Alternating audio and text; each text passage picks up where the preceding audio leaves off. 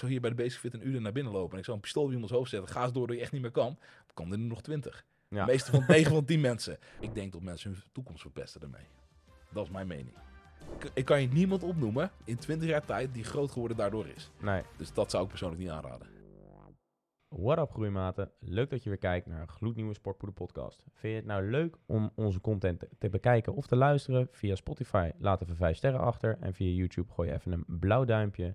Eh, en klik even op die abonneerknop. We zijn hier vandaag met de enige echte, alwetende legende Frank den Blanke. Frank, welkom, of in ieder geval bedankt dat hij welkom zijn in jouw home gym. Alsjeblieft. Hulk is er ook bij. Eh, op Spotify kan je hem niet zien, maar dat is de knuffelhond van, eh, van Frank. De echte is straks thuis. Ja, precies. Nou, die, die gaan we straks wel even aaien. Ja, eh, Frank, dankjewel dat we weer aanwezig moeten zijn. Vorige pod- podcast was eh, erg goed eh, bevallen. Ehm, en we gaan het vandaag een beetje hebben over ehm, nou, de, de basics van het trainingsschema en over je macronutriënten. Want 2023 is begonnen. Veel mensen zijn natuurlijk weer eh, ja, begonnen met trainen, de sportschool in. En jij ziet waarschijnlijk ook al eh, dat veel mensen met een nieuwe... ja, behoorlijk wat. Ja. Ja, ja, want jij, eh, eh, vertel een beetje over jezelf. Want ik ben wel, eh, de meeste luisteraars misschien kennen je niet volledig. Oké, nou, ik ben begonnen in de sport toen ik 14 was. Ja. Ik, eh, ik ging studeren in Haarlem. En ja, mijn andere sport, dat ging op dat moment niet meer. Toen heb ik besloten, weet je wat, ik ga mijn krachttraining doen, want dat kan je op elk moment van de dag doen. Ik denk dat veel studenten op dat moment gaan beginnen. Nou, toen ben ik begonnen in de sportschool. Toen ik 15 was, eh, moest ik voor een stage voor Fitvak A, moest ik in de sportschool gaan stage lopen. Nou, dat werd uiteindelijk een baan. Ja. Toen was ik 16, ben ik manager geworden. Heb ik acht jaar lang bij Gold Gym in Nieuwegein gedaan. Ben ik manager geworden. Daar heb ik al superveel personal training gegeven. Dus ik moet echt denken 40, 50 uur per week. Honderden transformaties creëerde ik toen al. En toen op een gegeven moment had ik zoiets van, ja, ik wil meer. Ik zit vast. En toen ben ik online gegaan. En Honger naar meer, nog meer. ja, op een gegeven moment, ah, ik, ik denk personal training, doe je serieus voor vijf jaar. En daarna wordt het op een gegeven moment wordt het een beetje lopende bandwerk. Het klinkt Ja. heel lullig voor mensen, maar als iemand bij mij komt en die zegt, ik wil 10 kilo afvallen. Ja, het is hetzelfde dingetje. En het is letterlijk het punt van, oké, wanneer maakt die persoon de switch tot ze het ook echt gaan doen? en wat is datzelfde dingetje dan? Het is uiteindelijk gewoon 20% negatieve energiebalans en progressieve overload met krachttraining toepassen. En voldoende rusten. En uiteindelijk ga je in shape komen. Ja. Veel complexer dan dat wordt het eigenlijk niet. En dan is het meer van, doe je het consequent genoeg om het daadwerkelijk resultaat te krijgen? En daar is dat dingetje dat moet switchen. Mensen moeten het op een gegeven moment gaan doen. En ze moeten niet terugvallen in oude gewoontes. Dus Ja. die gewoonte switch, eigenlijk de identiteitsverandering, die moet komen.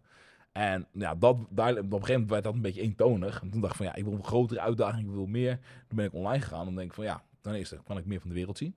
En ik kan ook gewoon grotere doelgroep helpen en meer dingen doen die ik wil. Want binnen de sportschool heb je natuurlijk wel regels van...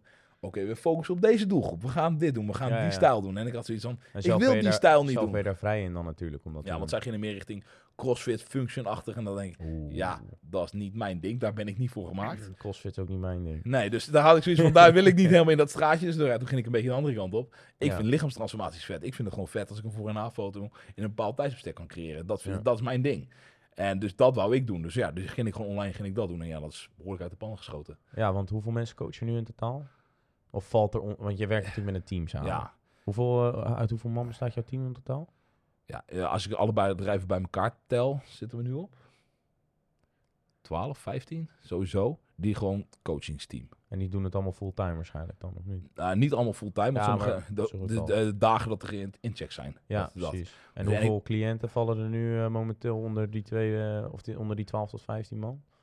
Meer dan 2000. Dat weet ik wel. Wow. Dus maar, maar hoeveel exact, dat weet ik niet. Want het trainingprogramma is gigantisch groot. Ja, Dus daar zit er heel veel in. En dan heb je nog live programma's, dat zijn vervolgprogramma's. één op één coaching. Dan hebben we een Sunshine traject. Daar programma's binnen. Dus ja, dat, dat loopt alleen maar door. Ja oké. Ja. ja. dus eigenlijk ben jij... Je, je bent de grootste online coaching in Nederland volgens mij, toch? Dat denk ik nu wel. Dat denk je nu Ja. wel. Ja, oké. Want jij je bent natuurlijk internationaal ook best wel eh, bekend eh, met alles en nog wat. Ja, want je traint natuurlijk ook. Je hebt vaak met eh, Olympians samen getraind. Ja. Jay Cutler volgens mij. Iris Kaal, Dory... Dorian Yates ben ik mee samen geweest, ja. Ja, inderdaad. Want wat is voor jou de reden dat je met zoveel internationale mensen samenwerkt en samentraint? Eh, een deel daarvan is inderdaad hoe ik het structureer achter de schermen. Dus inderdaad van hoe kan je zoveel mensen coachen, maar nog steeds kwaliteit leveren. Dat zei bijvoorbeeld Jay Cutler gaf zelf ook online coaching, maar die was gewoon serieus op WhatsApp bezig met Word-bestandjes, was die gewoon diëten voor mensen aan het maken. ja, en dan ook nog voor een tarief dat je denkt, dat kan voor Jay Cutler zou je verwachten dat hij zegt premium tarief. Dat viel uiteindelijk wel mee. Dus die kwam letterlijk bij mij van Frank, ik zie wat jij doet en ik heb gehoord wat je doet. Kan je mij eens uitleggen hoe ik dat kan doen zonder dat ik 30, 40 uur per week gewoon dieetjes voor mensen zit te maken, Ja. hoe ze moeten afvallen en hoe ze spiermassa moeten bouwen. Dus daar kwam het eigenlijk mee. Dus ik heb hem toen dingen uitgelegd. Daar heeft hij gigantisch veel geld mee verdiend. Omdat dat voor hem gewoon een hele simpele aanpassing was eigenlijk om te doen. En het leverde gigantisch veel voor hem op. Ik denk, ga er gang, je helpt mensen, ik heb er geen moeite mee.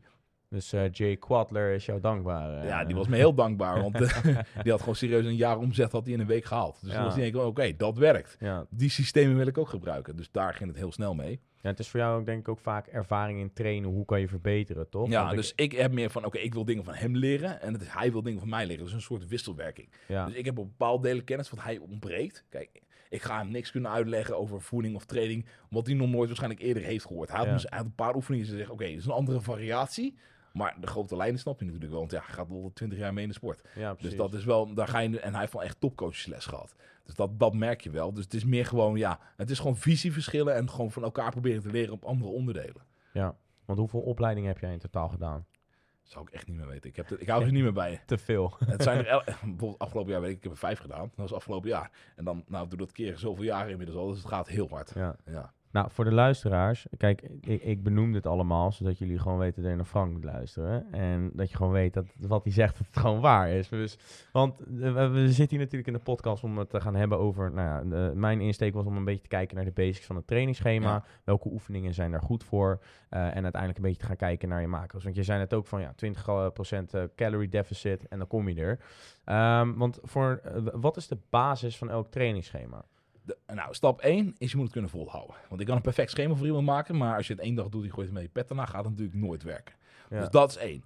Dan nummer twee gaat wel zijn, je moet je best doen. Want als je met een trainingsschema gaat doen en je gaat uh, een leeg colaflesje, ga je curlen voor je bicep. Weet Zo voor je best als dat ik net moest doen met jou. Met die, ja, ik heb hiervoor heb ik een video opgenomen met Frank, mijn, mijn ja, je, je, moet, je moet echt wel serieus hard trainen om verandering te krijgen. Je moet zo zien, het lichaam wil niet veranderen. Je moet het forceren tot verandering. Ja. Dus stel, we doen even 10 herhalingen. En 10 is de laatste met bankdrukken. Die krijg je dus niet meer van je borst af en voor je gevoel. De eerste vijf is doen, niks. Doen helemaal niks. Dus dan wordt het pas effectief. Maar als ik echt in de sportschool begon te lopen, ik zou hier bij de Basic Fit een uur naar binnen lopen en ik zou een pistool op iemands hoofd zetten, ga eens door dat je echt niet meer kan, dan kan er nog 20. Ja. De meeste van 9 van 10 mensen. Dus dan weten we allemaal, die gaan geen progressie boeken. Dat is de reden. Dat jaar in jaar uit mensen hetzelfde eruit zien. Dus als je heel druk bezig met hoeveel herhalingen moet ik doen, hoeveel setjes moet ik doen, welke uh, oefening is. Drie sets, 10 herhalingen en dan uh, ja. 20 kilo elke keer. Ja, dat maakt dan niet zoveel uit. Als je dat deel niet goed doet, gaat het niet werken. Nee. Hetzelfde als je super licht gaat trainen en je gaat denken, oh, ik ga 30 herhalingen doen, want dat is op papier beter voor spiergroei. Ik heb nog nooit iemand gezien die groot geworden is van 20, 30 herhalingen doen en dan gewoon ja. pomptrainingen doen. Ik, zie, ik, ik, kan je niemand opnoemen in 20 jaar tijd die groot geworden daardoor is. Nee. Dus dat zou ik persoonlijk niet aanraden. Ja, want um, ja, je zegt natuurlijk ook 30 herhalingen. Wat is dan wel een, goede range qua herhalingen in een training? Ja, kijk, tussen 3 en 30 is wetenschappelijk gezien effectief. Ja. Ik denk zelf, als je tussen 26 voornamelijk blijft, daar zal je de meeste progressie gaan boeken. Dan ga je meer kijken naar wat voor oefeningen doe je daadwerkelijk om dat voor elkaar te krijgen. Dus stel, we gaan een squat doen. En ik geef jou zes herhalingen squat. Wat gaat op een gegeven moment uh, opgeven? Waardoor red je het niet meer? Mijn lichaam. ja, het is gewoon zwaar, maar je merkt op een gegeven moment... oké, de techniek wordt waarschijnlijk de beperkende factor. Ja. Dat je dat niet meer redt en dat het gewoon het gewicht te zwaar is. Dat is op zich nog positief. Wat gaat er gebeuren als ik je 15 herhalingen squat laat doen? Wat gaat dan het probleem worden? Ja, dan ben ik gewoon dood. Ja, je benen of je onderrug. Eén van die twee. dus eigenlijk goed, is gewoon van je onderrug gaat waarschijnlijk opgeven of je uithoudingsvermogen. Dat zijn de twee punten waar je op gaat geven. Dat is niet positief voor de oefening. Dus bij een compound oefening zou je waarschijnlijk lager gaan zitten. Gaan we even een voorbeeld nemen, side race voor je schouder. Dat is een nou, isolatieoefening. Dat is een isolatieoefening. Wat zou er gebeuren als je daar zes herhalingen gaat doen? Niet zoveel. Nee, je gaat waarschijnlijk overcompenseren met je nek. Je gaat niet je schouder trekken. Maar wat gaat, gaat er gebeuren? geen mooie gezichten van trekken ook. Nee. Maar wat gaat er gebeuren als jij 15 tot 20 herhalingen doet? Ja, dan zit je volgens mij in de sweet spot. Uh, dan gaat je schouder branden. Ja. Dat klinkt heel positief. Dus op, als je gewoon op die logica gaat nadenken, om het even makkelijk uit te leggen. Als je gewoon gaat denken, wat zou de beperkende factor zijn als ik herhalingen ga doen voor deze oefening? Als ik laag in de herhalingen zit of ga hoog in de herhalingen Dan kan je eigenlijk zelf, als je logisch nadenkt, kan je tot de conclusie komen welke herhalingsrange voor een oefening beter is. Want het is dus verschillend per oefening. Dus welke categorieën hebben we daarin eigenlijk? We hebben dan een isolatie, we hebben een compound. Zit er nog wat tussen? Want nou, je, je, hebt, uh, je hebt compound oefeningen die heel technisch zijn. Ja, daar moet je op letten. Squat, deadlift, bench, denk ik. Ja, dat soort oefeningen, shoulder press met een stang, dat soort dingen. Daar ga je natuurlijk lager naar de rep range toe. Ga je echt naar isolatie en hoe makkelijker de oefening wordt, hoe hoger je waarschijnlijk in de herhaling uit zal komen. Dus dat is even makkelijk uit te leggen. Dan heb je nog een tussenweg. Dan, dan moet je bijvoorbeeld denken aan bijvoorbeeld een leg press. Het is een compound oefening, maar is die heel technisch? Nee, het is gewoon duwen. Als je heel eerlijk bent, het is gewoon duwen. geïsoleerde oefening. Ja, dus dan ga je wel waarschijnlijk weer iets hoger komen dan die 6. Want 6 op een legpress is gewoon ego-liften, als je heel eerlijk bent. dus dan ga je iets hoger uitkomen. Dan ga je richting de 12, 15, 20. Vraagje voor de volgers. Je ziet vaak mensen die dan bij de basic fit hebben ze 300 kilo op zo'n eh vertica of zo'n eh, schuine leg press eh, liggen. Ja. En Zo'n nieuw PR, 300 kilo, telt die. Ik zal heel eerlijk zeggen, Dan kan je toch delen door twee, omdat het maar... op staat- muscle camp, op dit, deze legpress die schuin achter mij staat, de meeste mensen redden nog niet eens drie schijfjes. Mannen zelfs. Als ik hem goed uitleg. Dus ik wil iedereen een keer uit. Kom een keer naar muscle camp toe, dan leg ik hem letterlijk uit hoe je hem correct wil doen. Je gaat echt schrikken hoe je benen gaan voelen. Ik denk niet dat ik dat wil. Zeg maar, gewoon, ik denk dat ik gewoon niet... Je moet hier zo meteen een trap omhoog om naar buiten te komen. Ik denk dat ze, je moet zo'n gehandicapt stoeltje maken, want dan, Ja. eh, anders kom ik niet meer weg. Nee, want als je hem correct doet, hij, dan is hij hoeft niet zo heel zwaar. Want wat vaak gaat gebeuren is je zakt naar beneden, je kantelt je bekken, dan komt je billen van de bank af. Dus dat is al één tip, hou je billen op die bank vast. En dan veer je hem gewoon terug. Ja, dan, je- op- dat op heb die, dan kan je echt best wel zwaar. Je ziet soms inderdaad best wel dat mensen hun billen optillen, maar dan belast je je onderrug toch ook best wel. hoor. Ja, dus je kan er wel op hem wegkomen. Want ik heb bijvoorbeeld Kai Green een keer op aangesproken van... Hey Kai, ik zie jou in video's, zie ik jou echt jezelf oprollen. Hij zegt ja, maar ik ben inmiddels zo sterk. Hij zegt ik voel dat niet eens. Dus voor mij gaat het nooit een probleem zijn. en ik kan die groei daardoor wel hebben. ja. Alleen ik denk voor iemand die al regelmatig te veel zit, vaak last heeft van zijn onderrug, niet het verstandigste om te doen. Dus ik denk dat er wel een nuance zit van het, kan wel, maar het is niet altijd het verstandigste om te Ja. doen. Oké, en voor de volgers, als je denkt aan een... eh, mensen zijn net de gym binnengestapt in eh, 2023. En Ja. eh, nou, die zitten te kijken naar een, een split. Een split is trouwens een term eh, die we gebruiken om een bepaald trainingsschema aan te duiden. Dus eh, ja, hoe ik het meestal heb geleerd is dat eh, bij drie dagen doe je full body. Vier dagen upper-lower. Vijf dagen upper-lower push-pull legs. En zes dagen push-pull legs, push-pull legs. Zeg Ja. dat dan goed? Of, eh? Hey groeimaat, sorry dat ik je onderbreek, maar het is niet zomaar voor iets. Namelijk voor de hoogste kortingen op jouw favoriete supplementenmerken. Ga even naar www.sportpoeder.nl en bestel met de links. Maak kans op lijpe prijzen elke maand en pak de hoogste kortingen op jouw favoriete supplementenmerken. Bedankt en luister lekker verder. Varia dat zou een volgorde kunnen zijn, inderdaad, wat je doet. Dus er, zit, er zijn nog verschillen die je daar tussen doen, maar hoofdlijnen lijken daarop, inderdaad. Oké, en... ehm, Ik doe wel bij beginners, stel je zou echt gloednieuw zijn in de gym, zou ik zeggen, je kan om de dag gewoon een full body split doen. Dus dan train je niet misschien drie dagen in de week, maar dan train je misschien iets frequenter dan dat. Dus gewoon, je traint, een dag rust, weer trainen. Want ik geloof niet dat je een weekagenda moet aanhouden voor optimale progressie. Ik zeg altijd, je lichaam weet niet dat er zeven dagen in de Nee, week dus zitten. als jij zegt van, ik train de ene week drie keer en de andere week train je vier keer en dan weer drie keer en dan weer vier keer, Ja. kom je uiteindelijk ook gewoon goed uit. En dan Ja. ga je waarschijnlijk sneller progressie maken, omdat je toch net iets meer de frequentie hebt dan in het begin. Dan als je echt compleet te beginnen bent, wat je wel zou doen, omdat je nog nieuw bent, zou ik persoonlijk je trainingsvolume wel wat hoger doen. Waarom? Niet omdat je dat zwaarder moet gaan doen, maar omdat je de bewegingspatronen moet aanleren. Ja. Dus je gaat gewoon letterlijk misschien wel 10 tot 15 herhalingen doen, drie setjes. Niet omdat je maximaal kan trainen, want dat kun je nog niet, want je bent nieuw. Maar je gaat de bewegingspatronen aanleren. En op een gegeven moment, hoe beter je de oefening onder de knie krijgt, hoe minder reps je gaat doen, hoe zwaarder je gaat trainen. Dat zou eigenlijk de logische opbouw zijn. Ja. ja, want als je als beginner de gym binnenkomt, want je, je moet anders trainen als beginner dan een, nou ja, hoe noem je dat dan, een ervaren. Ja. Eh, je zegt net full body. Eh, is dat omdat, we, we hebben het vaak in, met, met trainen als iemand de eerste twee jaar traint, dan hebben ze het vaak over newbie gains. Ik Ja. heb het zelf ook heel erg. Ik heb de eerste twee jaar ben ik echt 20 kilo aangekomen. Ja. Natuurlijk een beetje vetmassa, een beetje vocht erbij, maar wel aardig wat spier.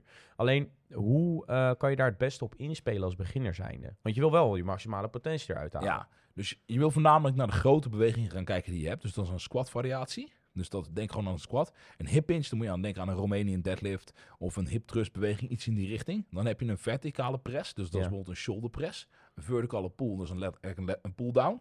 Een ver- eh, horizontal push, bankdrukken, dumbbell press, wat jij leuk vindt. Horizontal row, dan ga je naar een ro- roeivariatie. Die bewegingen willen hebben, dan kan je nog op een gegeven moment op termijn, dat zou ik bijvoorbeeld de eerste drie maanden niet doen, maar daarna zou ik bijvoorbeeld iets voor je elleboog extensie en flexie, dus dat is een bicep en een tricep oefening, en dan ook een quadricep, dus een leg extension en een leg curl toevoegen. Dat is Ja. eigenlijk je hele split wat je in het begin moet doen. Want dan train je eigenlijk alle spieren en dat is al voldoende. Want je gaat vanuit niets, ga je naar iets. Dus je gaat sowieso aanpassing krijgen. Herstel je ook een stuk sneller als je begint met trainen, of niet? Ja, want je gaat niet, heel- eerlijk, als ik bijvoorbeeld ga kijken, een beginner gaat niet maximaal zijn spier kapot kunnen maken. Want Ja. je schiet letterlijk met een shotgun in plaats van met een sniper. Oh ja, dat die, is de vergelijk- makkelijkste- die vergelijking heb je de vorige keer ook gemaakt. Ja, dus je- Hagelgeweer. Ja, je schiet gewoon een beetje van alles, raak je een beetje. Ja. Dus ga je bankdrukken. Het is niet, oh, 100% de borst is kapot. Nee, het is alles wat kan ondersteunen om die oefening voor elkaar te krijgen, krijgt een beetje aandacht. ja. Dus je gaat heel snel ga je progressie maken in het begin. ja, precies. Ja, want ehm, er wordt ook vaak gezegd dat, dat als je begint met trainen, dan schrik je je spieren als het ware, waardoor ze ineens zo hard gaan groeien. Is dat een beetje een juiste beduiding voor die term? Of een uh, benoeming voor die ja, term? het is een nieuw patroon. En dan wat je eerst, de eerste stap die je gaat krijgen heet een neurologische aanpassing. Makkelijk uitgelegd is dat gewoon de aansturing vanuit je hersenen naar je spieren wordt beter. Ja, Dus als je gaat liggen en je denkt, ik ben aan het trillen als een gek. ja dat, dat zie je is- vaak bij beginners Dat is, inderdaad. dat is eigenlijk dat je spieren zeggen, help, ik heb hulp nodig. Ik dit is een nieuwe beweging. Ik ga een efficiëntere manier zoeken om dit te doen. Heb je dat ook wel eens gezien bij mensen die ervaren zijn tussen aanhalingstekens, maar dan gewoon niet hard genoeg trainen dat ze ineens beginnen met trillen? Nee, nee, zelfs ervaren personen kunnen nog heel erg trillen. Maar het is vaak wel iets van, dat er met neurotransmitters wel iets verbeterd kan worden. Dan wordt het heel technisch, maar ja. daar zijn dus progressievormen nog te maken dat je daar beter in wordt in die patronen. En dan ga je best wel snel vooruit. ja, precies. Ja, Oké, dus als, nou ja, de newbie games, die zijn dus eigenlijk, eh, dan zou je dus, nou, al de, die, die eh, oefeningen moeten doen die je net opnoemt. ja. Ehm, wat zou je moeten doen als je op een gegeven moment op een bepaald plateau komt? Als je bijvoorbeeld al anderhalf of twee jaar of zelfs langer traint en je merkt van, joh, mijn progressie stagneert. Nou, dus in het begin kan je gewoon, dan ga je naar periodisering kijken. Dat is eigenlijk de opbouw van jouw training. Dus in het begin zou je letterlijk kunnen zeggen, drie setjes van 10 tot 15 doe je gewoon elke training. En dan ga je gewoon proberen gewoon je reps opbouwen, een paar kilootjes toevoegen op dat soort dingen. Na, laat zeggen, zes maanden ongeveer komt er een punt dat dat niet meer werkt. Ja. Dus dan ga je op een gegeven moment ga je naar Raakt je periodisering. lichaam een soort verveeld, toch? Ja, dan ga je Ja. naar periodiseringsvormen kijken. Dat wil niet zeggen dat je elke training wat anders moet gaan doen, maar dan ga je werken in blokken van bijvoorbeeld drie weken. Dus het kan zijn, ik doe bijvoorbeeld drie weken doe ik drie keer 12. Dan doe ik drie weken drie keer 10. Dan drie keer 8. En dan ga ik terug naar drie keer 12. Maar dan ga ik 5% zwaarder trainen dan op de oefeningen daarvoor. Hmm. Dat heet een lineaire periodisering. Dus je gaat gewoon Kleine stapjes Een maken. lineaire? Periodisering. Oh, periodisering. oké. Ja. Ja. Dus je doet bijvoorbeeld Weer drie keer een leuk 12. woord voor galgje, jongens. Drie keer 10, drie keer 8 en dan ga je weer terug naar drie keer 12 en zo ga je als het ware verder. Ja. Dat is één vorm die je kan doen. Je kan ook zeggen van oké, ik doe drie keer 8 met 70 kilo. Die week erop probeer ik 75 kilo of 72,5 en dan ga je naar 75. Dus dan bouw je het gewicht op. Of je gaat van twee sets naar drie sets naar vier sets. Ja. Er zijn verschillende vormen die je daarvoor kan gebruiken, afhankelijk van wat voor oefeningen je doet. Oké.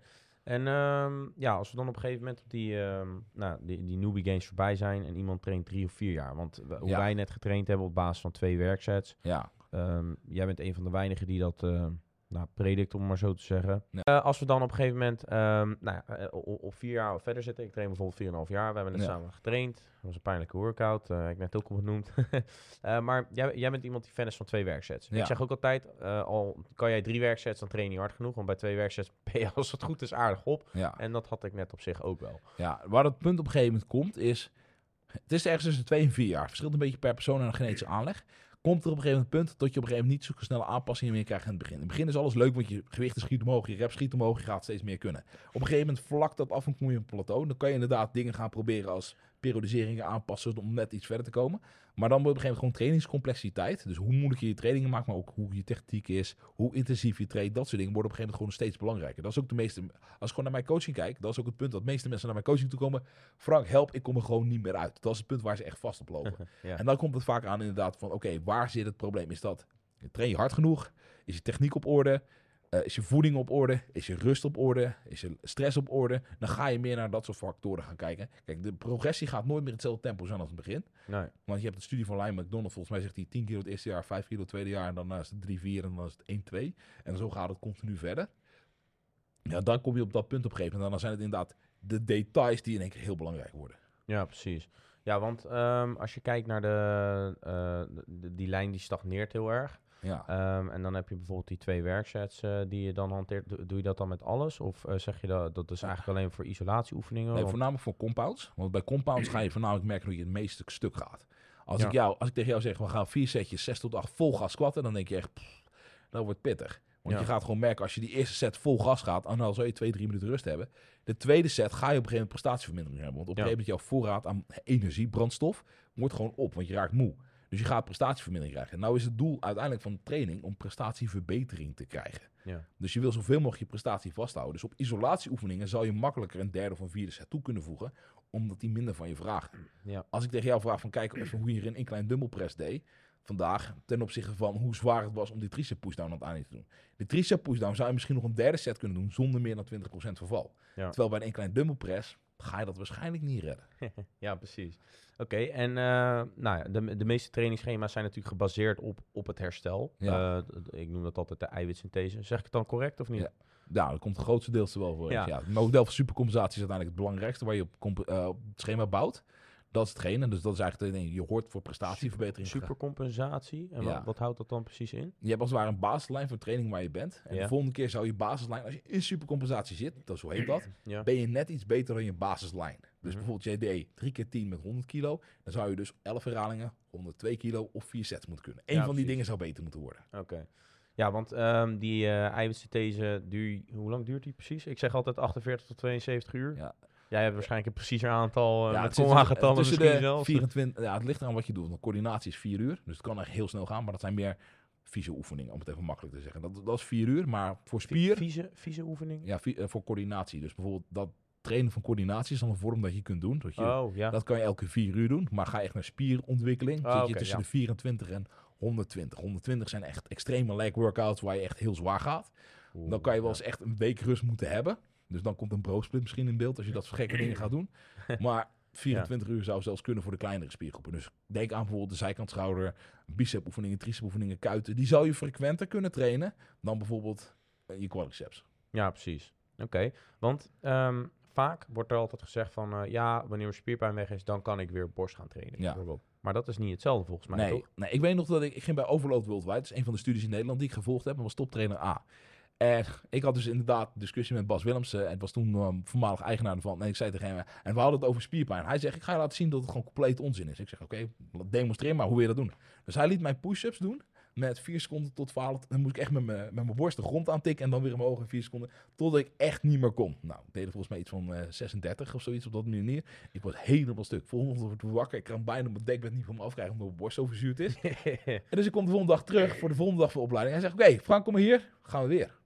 Ik denk, hoe dan? Ik kan serieus mijn borst niet eens normaal bewegen. Deed ik er in één keer 38. En ik dacht, huh? ik ben beter geworden. Terwijl ik, ja, dus maar het was maar één setje tot extreem falen. heb je creatine genomen, hè? Dat, eh, dat zal het zijn. Nee, maar dus hij gaf al aan van eigenlijk, spierpijn is geen graadmeter. Totaal niet. ja. Waar je eigenlijk wil voor gaan is, ben je daadwerkelijk beter geworden in de sportschool? Want ook wat heel vaak is, als je mega veel spierpijn hebt en je gaat trainen, daarna geen spierpijn meer. Ja. Miraculeus is het in één keer weg. Ik heb van alles geprobeerd om spierpijn. Uitfietsen, wandelen, ik heb van alles getest. Niks werkt. Doe je krachttraining, weg. ja. Dus uiteindelijk is trainen daarna wel het slimste wat Ja, je kan doen. Want spierpijn en spierherstel is dus iets anders. Ja, Alleen, het heeft wel een correlatie met elkaar. ja, Dus als jij continu spierpijn blijft houden, dat is geen goed teken. Maar dan heb ik het over weken, maanden dat het blijft. Elke Ja. training weer krijg je spierpijn, dan doe je waarschijnlijk wel iets te veel. Dus dan, dat hebben ze wel ontdekt. Maar als je één keertje spierpijn hebt, wil niet zeggen dat je niet kan trainen. Ja, want ik, ik heb me, of in ieder geval, ik heb dat een keertje gelezen, het is een keer uitgelegd. Spierpijn is een tekort aan een stofje volgens mij in je spieren. Ehm, kan jij die klaar of er, duidelijk is, uitleggen? er is nog geen enkele wetenschappelijke studie die precies kan verklaren wat spierpijn nou ex- exact Oh. is. Dus dat is al één ding wat gewoon heel lastig is. We ik kunnen niet veel op TikTok gezeten, jongens. dat Ja, we kunnen niet nee. definiëren waar spierpijn vandaan komt, wat het Mhm. is. Het enige wat ik met spierpijn denk, kijk, heb jij je borst getraind en je voelt de volgende dag spierpijn in je borst? Waarschijnlijk heb je de juiste spieren getraind. D- dat kunnen we aanduiden. Ja, Het is niet zo dat je je borst hebt getraind en je voelt in één keer je quadriceps de volgende dag. Dat klopt niet helemaal. Maar dus dat is, dat is het enige wat we daarvan kunnen aanleiden. De rest weten we nog helemaal niks over spierpijn. ja. Oké. Dus, eh, dus dat is iets waar er misschien een beetje onderzoek eh, naar gedaan moet worden. Ja, Ja, oké, nou eh, duidelijk. Dus de, de zware trainingen ka- kan soms vier dagen duren en lichte trainingen, bijvoorbeeld zijkant schouder ja zou je dit ligt ook wel heel erg aan je huidige leefstijlsituatie. Dus Ja. bijvoorbeeld, heb je nu financiële stress? Ben je heel druk met deadlines voor studie of voor Slecht werk? en eten. slecht eten, dan gaat je herstel langzamer zijn. Heb jij drie maanden vrij, heb je de loterij gewonnen en al dat soort dingen, ja, dan ga je waarschijnlijk te Ja. kunnen trainen. Dan gaat het een stuk sneller. Want ik heb mensen soms in mijn coaching, waarbij ik situatie heb gehad dat iemand letterlijk zes maanden tussen twee studies zat. Papa en mama zijn superrijk. Nou, dan kan je een transformatie mee neerzetten. Dat is gewoon niet normaal. Dan zie je mensen die foto en denken, wow, dat wil ik ook. Ja, sorry, dat ga je niet redden. Want zijn leefstijl op dat moment was het meest optimaal om maximaal progressie te boeken. Ja. Dus daar zit wel een groot verschil tussen. Oké, en eh, alcohol? Hoe erg eh, vertraagt dat de eiwitsynthese? Uh, valt mee. Eén, één drankje valt wel mee. Nee, maar ik heb het over als eh, de gemiddelde jeugd, want onze doelgroep is tussen de 16 en 34 jaar oud. Nou, grotendeels tussen de 16 en eh 25. Ja. Die houden het niet bij één biertje. Die Nee. gaan meestal kacheltje lam. Wat doet dat met jouw progressie voor die dag? We hebben Uh, een keer een TikTok gehad, die was viraal gegaan. Kregen we heel veel haat op. Van Ja. mensen, oh ja, jullie zijn ongezellig, dit, dat zo. Je kan natuurlijk altijd beter nou, wel daar heb ik wel trainen een dan hele niet. harde over mening over. Ik denk dat mensen hun toekomst verpesten daarmee. Dat is mijn mening. En in welke zin bedoel je dat dan?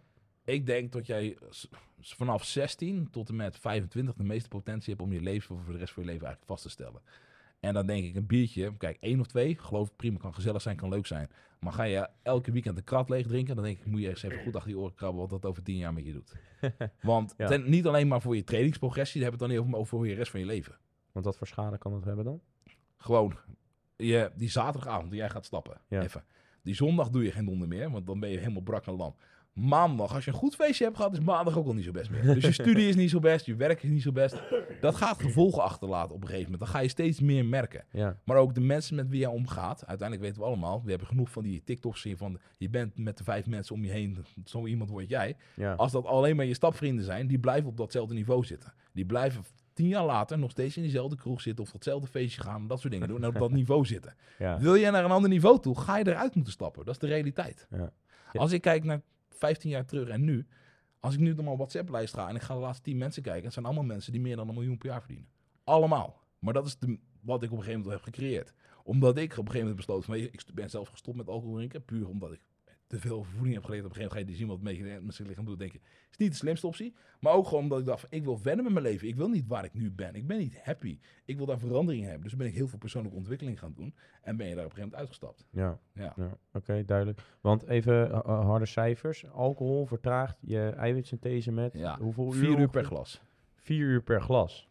Zo, nou eh, jongens, als je dat bakootje haalt aan de bar, voel je dan weer even schuldig. Eh, ja, dus, dus, dus eentje, kan, eentje kan je prima Pieter. hebben, want dan is de volgende ochtend dus al lang uitgewerkt. ja. Maar ga, wat ik wel eens hoor, ik drink een krat bier leeg. Nou, dat is bizar. Kistje. een- ja, ja nou, dus dan doe je, en dan volgens mij zit er meer dan één glas in een flesje. Ik weet het niet eens, ik drink Ja. al zo lang niet meer.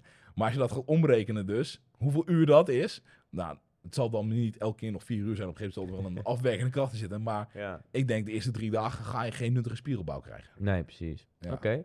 Nou, duidelijk, eh, jongens. Laat die alcohol een beetje liggen. Dat eh, is het advies in ieder geval van eh ome Frank. Ja. Ehm, eh, het ding wat betreft voeding. Als je net die gym binnenkomt stappen. eh, je hebt natuurlijk de drie macro's, of de drie macronutriënten. Even voor de volgers. Eiwitten, vetten en koolhydraten. ja. Wat zou jij adviseren qua verhouding? Eh, nou, uiteindelijk er zit een beetje verschil in qua doel of je nou spieropbouw wil of afvallen. Laten we zeggen spieropbouw. Nou, spieropbouw. Kijk, eiwitten boven 1,8 gram per kilo is niet noodzakelijk voor spiergroei. Dus als je 1,8 gram keer je lichaamsgewicht doet, dan heb je eigenlijk al voldoende. Ja. Nou is het niet zo, stel je bent 80 kilo, dan kom je op 136 gram uit. Het is niet zo dat je precies 136 gram moet eten. Zolang je daar in de buurt zit, laat zeggen tussen 126 en 146 zie je goed. Dan zou ik voor vetten zit je ergens tussen de 20 en 30 procent van je totale hoeveelheid calorieën die je eet. Hoe baseer je dat nou? Is gewoon eigenlijk puur gewoon naar je voeding kijken van wat vind je lekker. Hou je meer van pindakaas, nootjes, avocado, dat soort dingen? Of hou je meer van pasta, brood en havermout? Ja. Dat bepaalt een beetje waar je op die schaal zit. Dus vind je de nootjes lekker, dan ga je hoger in de vetten zitten. Vind je de pasta lekker, dan ga je wat lager in de vetten zitten. Dat is eigenlijk hoe je het letterlijk indeelt. En dat deel je af met je koolhydraten, toch? Daar, daar Ja. switch je om. Dus daar zit het, ja, dus de koolhydraten en vetten, die verhouding kun je gewoon persoonlijk zetten. Dat is meer persoonlijke voorkeur. Zolang je het maar binnen je calorie blijft. Zolang je binnen je calorieën blijft, komt het uiteindelijk wel goed. Dus Dat, dat, is, dat leidend, toch? dat is uiteindelijk leidend, ja. Ja. Dus dat zijn de hoofdlijnen waar de meeste mensen op willen focussen. Als je dat 90 dagen doet, ga je al mega verschil zien. Ja. Als je dat alleen nog goed doet. En wat is qua gemiddelde dan? Want eiwitten dan 1,8 gram. Ja. Vetten 1 of 0,9 per kilo lichaamsgewicht? Of... Ja, je wil boven de halve gram per kilo zitten. Dat is de ondergrens. Daar wil je gewoon niet onderkomen. Dus heel misschien als je een keer een fotoshoot hebt of een eh, wedstrijd, dat je daar even tijdelijk onder komt. Als je daar consequent onder zit, word je gewoon slecht geholpen. Ga ik je heel eerlijk zeggen. Dat wa- ik vind het wel een leuke, want het is inderdaad vaak iets wat mensen niet realiseren. Omdat 1 gram vet is natuurlijk 9 calorieën. Ja. En eiwit en koolhydraten zijn 4 calorieën per, lichaam, Ja. per, per gram. Ja, Eh, dus mensen schrappen vaak vetten eruit. Ja. Alleen hoe noodzakelijk zijn vetten voor? ja, vetten zijn heel belangrijk voor je hormonen. Dus bijvoorbeeld een van de redenen dat veel dames tegenwoordig menstruatieproblemen hebben, is de vetten worden gewoon veel te laag ingezet. Ja. Dus dat zijn wel nestjes in. Maar ook hetzelfde is bijvoorbeeld, als je op een natuurlijke basis traint, kijk, dat is nadeel van heel veel bladen die je leest. Daar staat bijvoorbeeld vetten vrij laag in. Als je vol spuit met anabolen, heb je, heb je al hormonen binnen. Heb je niet zo heel erg vet nodig. Dus hoef je niet heel veel te eten als je heel eerlijk bent. Ja. Maar, maar voor je immuunsysteem is het al heel belangrijk. Dus als je merkt, ik ben de laatste periode veel vaker ziek geworden. Gooi je vet omhoog. Je gaat serieus een beter immuunsysteem krijgen. Dan ook voor huidgezondheid, haargezondheid. Dat soort dingen. Dus maken vet een enorm verschil. Dus ik zie daarom eens honderden euro's uitgeven voor make-up. Heel eerlijk, lijnzaadolie werkt beter dan de meeste make-up producten voor je haar. Bijvoorbeeld. En eh, shampoos. Dus dat soort dingen maken een mega verschil. Dus Ladies, are you listening? En Ja. de boys trouwens ook. Dus dat soort dingen maken echt Stel dat wel we een uitgedunde haarlijn hebben, heeft dat dan ook eh, effect daarvoor? Ja, kijk, als je een dierenarts zou vragen, wat geef je een paard die haarprobleem heeft, dan is het lijnstaat, oh, die smeren ze erop en dan gaat het harder groeien. Oh, je moet erop smeren, je moet niet eten. Nou, je kan dus de stoffen die erin zitten, kun je dus ook consumeren en eten. Dan Ja. werkt het net zo goed. Dus dat Oké. soort dingen kan het dus echt wel voor bijdragen. Dat ik denk van, waarom zou je het niet op natuurlijke basis ondersteunen en kijken misschien met andere hulpmiddelen wat het doen. Het kan geen kwaad. Want het tot je nemen, die calorieën heb je toch. Dan, waarom zou je ze niet opeten dan? Ja, En gewoon kijken wat het doet. Ja, ik denk, doe er dan alles aan. ja, Ja. nee, dat is waar inderdaad. Ja. Oké. Ja, en eh, nou ja, vetten boven de 50 gram, of de 0,5 houden. 0,5 gram per kilo. Dus meestal zou je rond een gram per kilo zou je ongeveer terechtkomen. Maar Ja. vind je vet heel lekker, dat houd je tegen om naar anderhalf gram te gaan. Ja, Dus het enige wat ik zeg, je wil waarschijnlijk niet onder een gram koolhydraten komen. Want dan ga je op een gegeven moment wel merken, je gaat een beetje brain fog krijgen. Dat, je, nee, dat mensen hebben, dat je echt denkt van, waar ben ik ook weer, ben ik ook weer aan het doen, dat idee. Dus daar hoor je niet consequent onder te komen. Dus als zolang je daar maar boven blijft zitten, is het niet zo heel groot. nou, ik merk ook inderdaad vaker bij een eh, gewoon een beetje gevarieerd dieet dat 1 gram vet wel nodig is. Al Ja. ga ik daaronder zitten, dan eh, ben ik onnodig droog voedsel aan het eten. Ja. Of, nou, niet onnodig, maar heel droog Ja. voedsel aan het eten. En je kunt prima gewoon een keertje in olijfolie wat bakken of kokosolie of dat soort dingen. Dat is echt geen ramp. Heel veel mensen maken het, oh, dat gaat veranderen van vorm als je dat... Nou, dat soort dingen hoef je echt niet druk om te maken. Ga eerst maar zorgen dat je een jaar lang gewoon consequent je voeding eet. En ga dan, kan je naar dat soort details gaan kijken. Maar in het begin, houd het lekker simpel voor jezelf. Ja, precies. Oké. Nou ja, dan eh, hebben we in principe vetten en eiwitten gehad. Ja. Meestal wordt er gezegd de rest koolhydraten. Ja. Ga je dat nu ook zeggen? Of zeg ja, je van... nou, ik ben wel van mening, koolhydraten moet je wel verdienen. Want als je gaat kijken, wanneer gebruik je vetten en wanneer gebruik je koolhydraten. Dus als je niet heel intensief sport, heb je in mijn optiek niet zo heel veel koolhydraten nodig. Ja. Want wanneer ga je koolhydraten gebruiken? Dus eigenlijk als je buiten adem bent. Dat is het punt dat je eigenlijk op zo'n drempel komt dat je eigenlijk naar koolhydraatverbranding gaat. Ja. Zitten wij zoals wij nu zitten, onze hartslag gaat niet heel hoog zijn. Dus wij verbranden nu voornamelijk vetten. Dus als jij dus niet heel actief bent, zou ik zeggen, je wil waarschijnlijk wat meer vet eten. Ben je heel actief, dus stel je doet drie, vier keer per week krachttraining, je doet er nog kickboksen bij of iets dergelijks en je hartslag is continu hoog, zal je waarschijnlijk iets meer koolhydraten willen eten. ja, Dus, precies. eh, daar hangt het dat hangt dus heel erg van de situatie af. Daarom is het ook geen perfect ding wat iedereen kan volgen. Het is heel erg van je leefstijl afhankelijk. Ja, want de, de, de reden, misschien eh, handig voor de luisteraar om dat even uit te leggen. De reden dat er vaak de rest koolhydraten wordt gezegd, is je hebt natuurlijk een caloriehoeveelheid. Dus stel je hebt 2000 calorieën, je hebt eh, 600 calorieën aan eiwitten eh, en eh, 900 calorieën aan vetten. Nou, dat bij elkaar opgeteld is eh, hebben nog- 1500. Ja, heb je nog 500 calorieën. Nou, dan hou je nog 500 calorieën over. 1 gram koolhydraten is 4 calorieën. Deel je die 100. 500 gedeeld door 4, dan kom je uit op 105.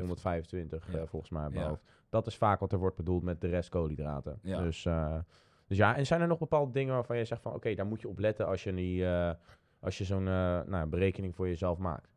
Eh, nou ja, je wil het wel een beetje... eh, wat ik vaak aanraad is, verdeel de maaltijden wel een beetje normaal. Dus niet dat je bijvoorbeeld zegt van... Oké, mijn ontbijt is 200, s'avonds, 200 eh. calorieën en s'avonds ga ik heel veel eten. Ja, Want dat leidt waarschijnlijk wel meer tot je op een gegeven moment wel meer vetmassaopslag gaat krijgen. Dat wel. Dus als je het kan, ontbijt, lunch, diner, maakt die een beetje hetzelfde grootte qua calorieën. Ja.